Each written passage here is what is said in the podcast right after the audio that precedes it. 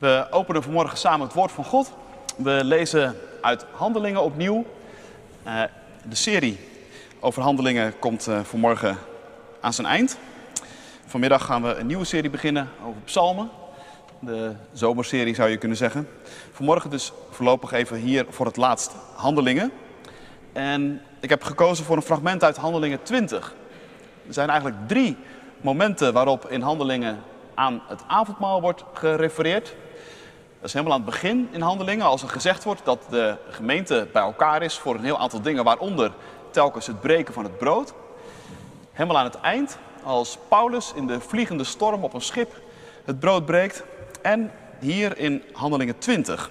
Opnieuw Paulus, maar in een hele andere setting. Paulus is bij elkaar met een groep christenen in een, uh, ja, een kerkzaal, zou je, zou je zeggen. En daar lezen we het volgende, Handelingen 20 vanaf vers 7. Horen wij het woord van God. Op de eerste dag van de week kwamen we bijeen voor het breken van het brood. Paulus, die van plan was om de volgende dag verder te reizen, hield een toespraak voor de leerlingen die tot midden in de nacht duurde. We waren bijeengekomen in een bovenvertrek, waar veel olielampen branden. Een jonge man die Uitigus heette, zat in het venster en werd door slaap overmand. Toen Paulus maar doorging met zijn toespraak. Diep in slaap verzonken viel hij van de derde verdieping naar beneden. En toen men hem optilde, bleek hij dood te zijn. Paulus ging naar beneden, ging op hem liggen sloeg zijn armen om hem heen en zei: Hou op met het misbaar, want hij leeft. Hij ging weer naar boven, brak het brood en at. Daarna onderhield hij zich nog lange tijd met de leerlingen tot het aanbreken van de ochtend. En toen vertrok hij. De leerlingen namen de jonge man die weer tot leven gekomen was met zich mee. En voelden zich gesterkt door wat er was gebeurd. Tot zover de lezing van de woorden van God. Dit zijn de woorden van God vanmorgen voor ons en we dragen ze bij ons in ons hart omdat we weten en geloven dat daarin het leven is. Halleluja. Amen. Gemeente van Christus, broeders en zusters hier in de kerk of thuis met ons verbonden. Er was een reunie van zijn oude middelbare school. Veel zin had hij er eerst niet in gehad, want wat moet je nou toch zeggen tegen mensen die je in geen twintig jaar hebt gezien? Maar omdat een paar oude vrienden ook gingen, was hij toch maar meegegaan. En om eerlijk te zijn, het viel best mee. Eigenlijk kost het helemaal niet veel moeite je met elkaar weer voor te stellen dat je 16 was. En dat je Nederlands had in lokaal 251. Of tafelvoetbalde in de hal tot de stukken ervan afvlogen. Ook voor serieuzere gesprekken was er ruimte geweest. Want 20 jaar is een lange tijd en dan gebeurt er veel. De meeste oud-klasgenoten was het goed gegaan. Stonden positief in het leven en hadden zeg maar veel om dankbaar voor te zijn. Anderen hadden duidelijk meer deuken en krassen opgelopen. Gevoelige verliezen geleden. Met ziekte en ander noodlot te maken gehad. Twee gesprekjes bleven hem achteraf het meeste bij. Ben je nog bij een kerk betrokken? had hij gevraagd aan een meisje met wie hij het vroeger goed kon vinden. Nee, had ze gezegd, was ongelukkig in de liefde. Ik kon mijn weg eigenlijk maar moeilijk vinden in het leven. Dat riep veel vragen bij me op. Maar daarvoor was in mijn kerk geen ruimte. En zo ben ik langzaam maar zeker van mijn geloof. En langzaam maar zeker uit de kathedraal van zeker weten gevallen. Aan een ander had hij dezelfde vraag gesteld. Ja, tot voor kort wel, had hij gezegd. Totdat ik een misstap maakte op mijn werk. Het ging me geweldig voor de wind. Ik maakte carrière als een malle, maar ik viel in één keer van mijn sokkel. En toen hebben ze me in mijn kerk ook als een baksteen laten vallen. Ik word er met de nek aangekeken. En daarom ga ik niet meer.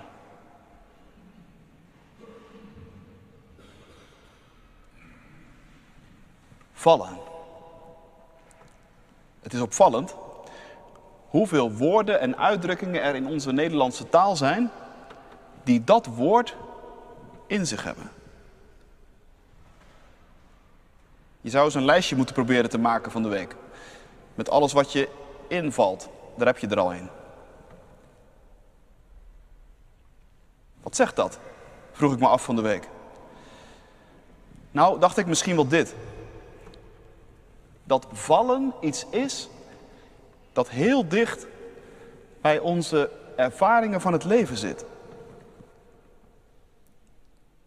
Allemaal op onze eigen manier weten wij heel goed hoe makkelijk het is om te vallen. En hoe onvanzelfsprekend het eigenlijk is om niet te vallen. Om overeind te blijven. Of zelfs weer op te staan.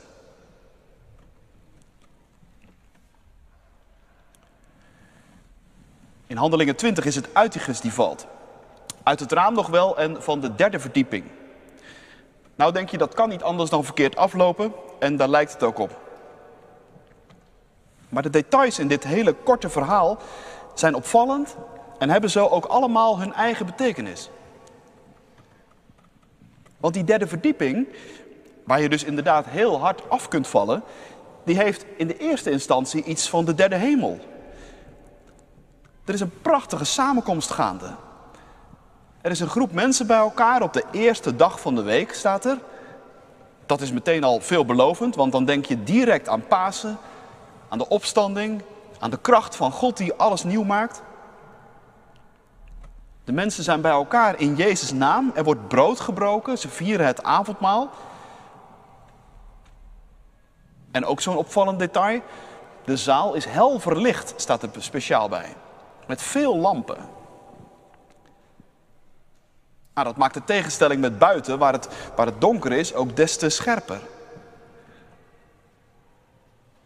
Want donker, ja, donker is het inmiddels wel geworden, ja.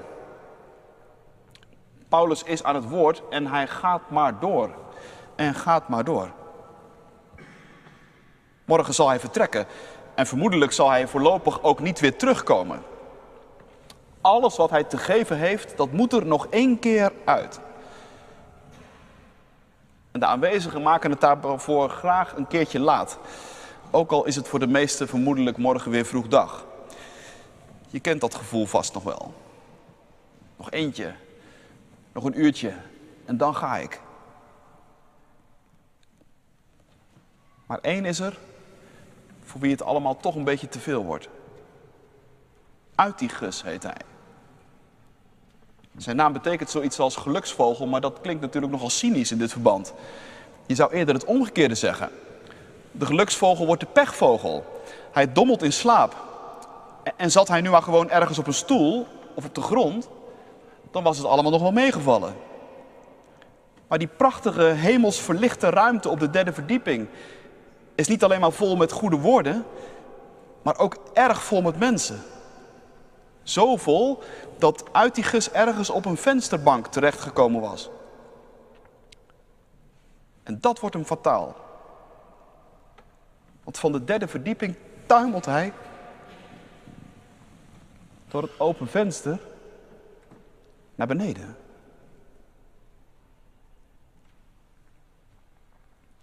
De slapende Uitigus.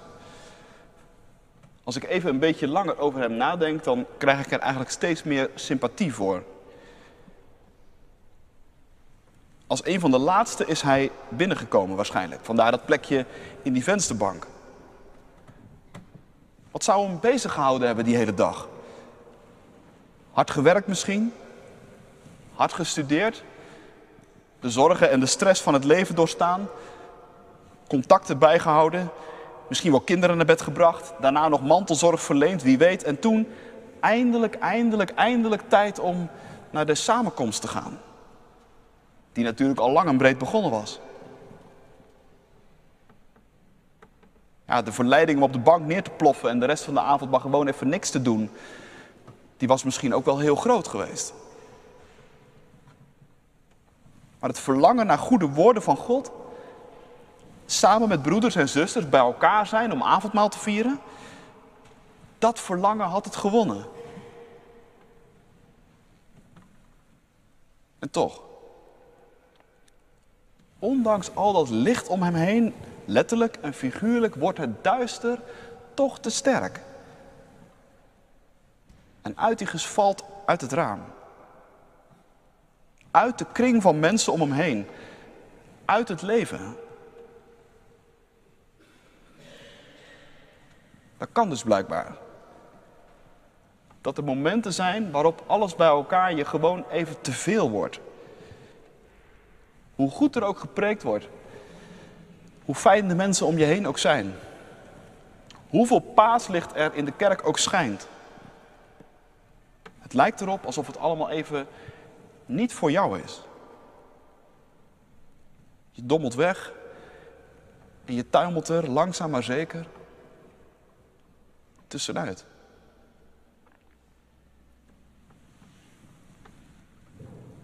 En wat dan? Wat doet Paulus als hij merkt dat Uitigus uit het raam gevallen is? Nou, hij gaat onmiddellijk naar beneden. Letterlijk staat er, hij, hij daalt af. Hij maakt dus de beweging die Uitigus ook maakt. Hij gaat hem achterna. Paulus valt mee. Fascinerend woord, vind je niet, als je daar even over nadenkt? Meevallen. Wij zeggen tegen elkaar, het valt mee of wat een meevaller. En dan zuchten we even diep en dan zijn we blij dat het allemaal niet zo erg is als het leek. Maar meevallen in de oorspronkelijke betekenis van het woord gaat dus nog wel even wat verder. Paulus valt mee.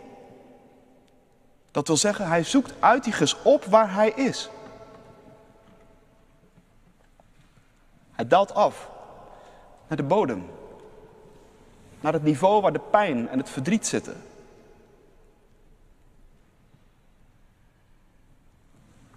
En dan doet hij iets heel aparts. Hij gaat bovenop die Uitigus liggen en, en, en, en omvat hem helemaal met zijn armen. En, en dan zegt hij er ook nog eens bij dat die omstanders moeten ophouden met huilen. Nou ja, denk je, dat is toch wel heel ongepast in deze situatie. Nou, dat is het zeker. Zeker ook in die tijd. Aanraken van een dode was het meest verontreinigende wat je je kon indenken. Als je een dode aanraakt, dan identificeer je je met de dood. En dacht men, als je dat deed, dan plaats je jezelf buiten de gemeenschap met God en de mensen. Je was ook na een begrafenis een hele tijd onrein. Dood was dood, daar moest je vooral niet aankomen. Dat liet je dus wel uit je hoofd.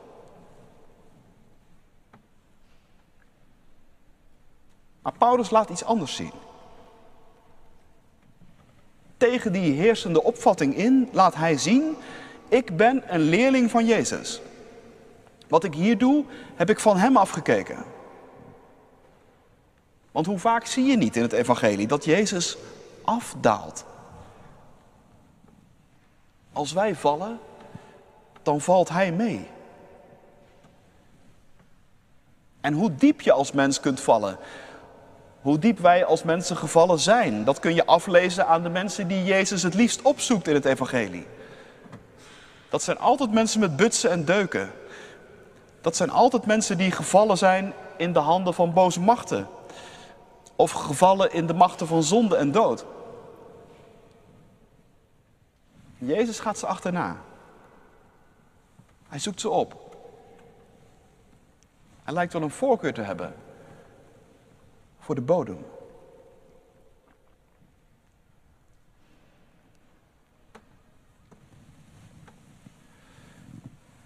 Naar Jezus verwijst Paulus ook als hij vervolgens weer verder gaat met die avondmaalsviering. verder gaat met het breken van het brood. Alsof er niks gebeurd is? Tuurlijk niet. Er is van alles gebeurd. Notabene, de dood brak binnen. Iemand viel uit de gemeenschap met God en de mensen. Maar juist in die val is ook iets zichtbaar geworden en merkbaar. In die val zou je kunnen zeggen, is ook iets geopenbaard. Duidelijk is geworden dat er iemand is die sterker is dan de dood. Dat er iemand is die meevalt als wij vallen. Iemand wiens eigen lichaam ook gebroken werd aan een kruis. Daarom is het vervolg van die avondmaalsviering anders dan het begin. Want nog duidelijker is het geworden voor Paulus en voor de mensen daar bij elkaar hoe groot de kracht van het kruis en van de opstanding is.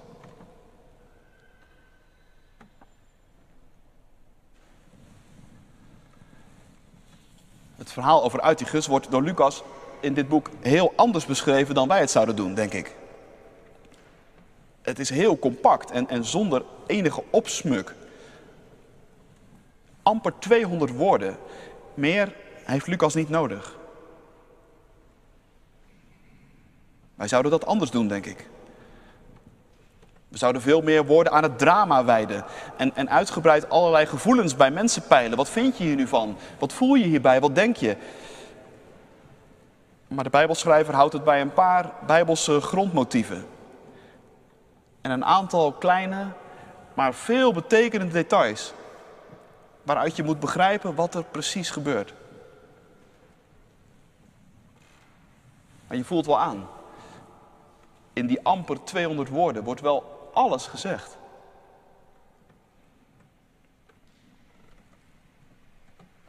Straks vieren wij hier met elkaar het avondmaal. Ik dacht, net als het verhaal van Uitigus, is dat een gebeuren met weinig woorden en hele eenvoudige tekens. Maar in die eenvoudige tekens wordt wel alles tegen je gezegd wat je weten moet. Dat er een God is. Die de confrontatie aangaat met dat wat er niet zou moeten zijn. En dat je midden in de dood zomaar iets van het leven gewaar wordt. En dat wanneer jij valt, er een God is die met je meevalt.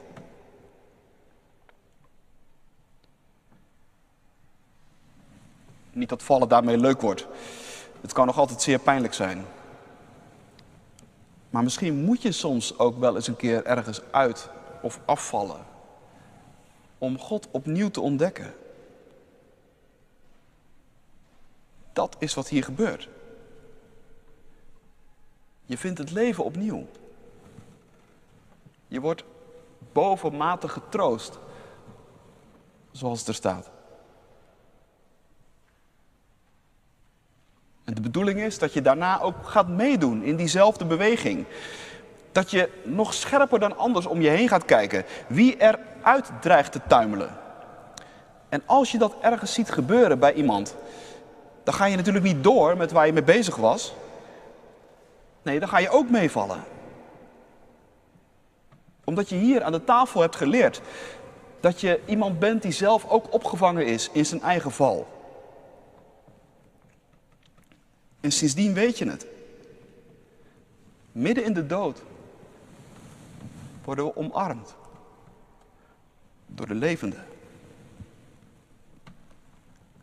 Uit die gussen als we zijn. Geluksvogels in de meest diepe zin van het woord.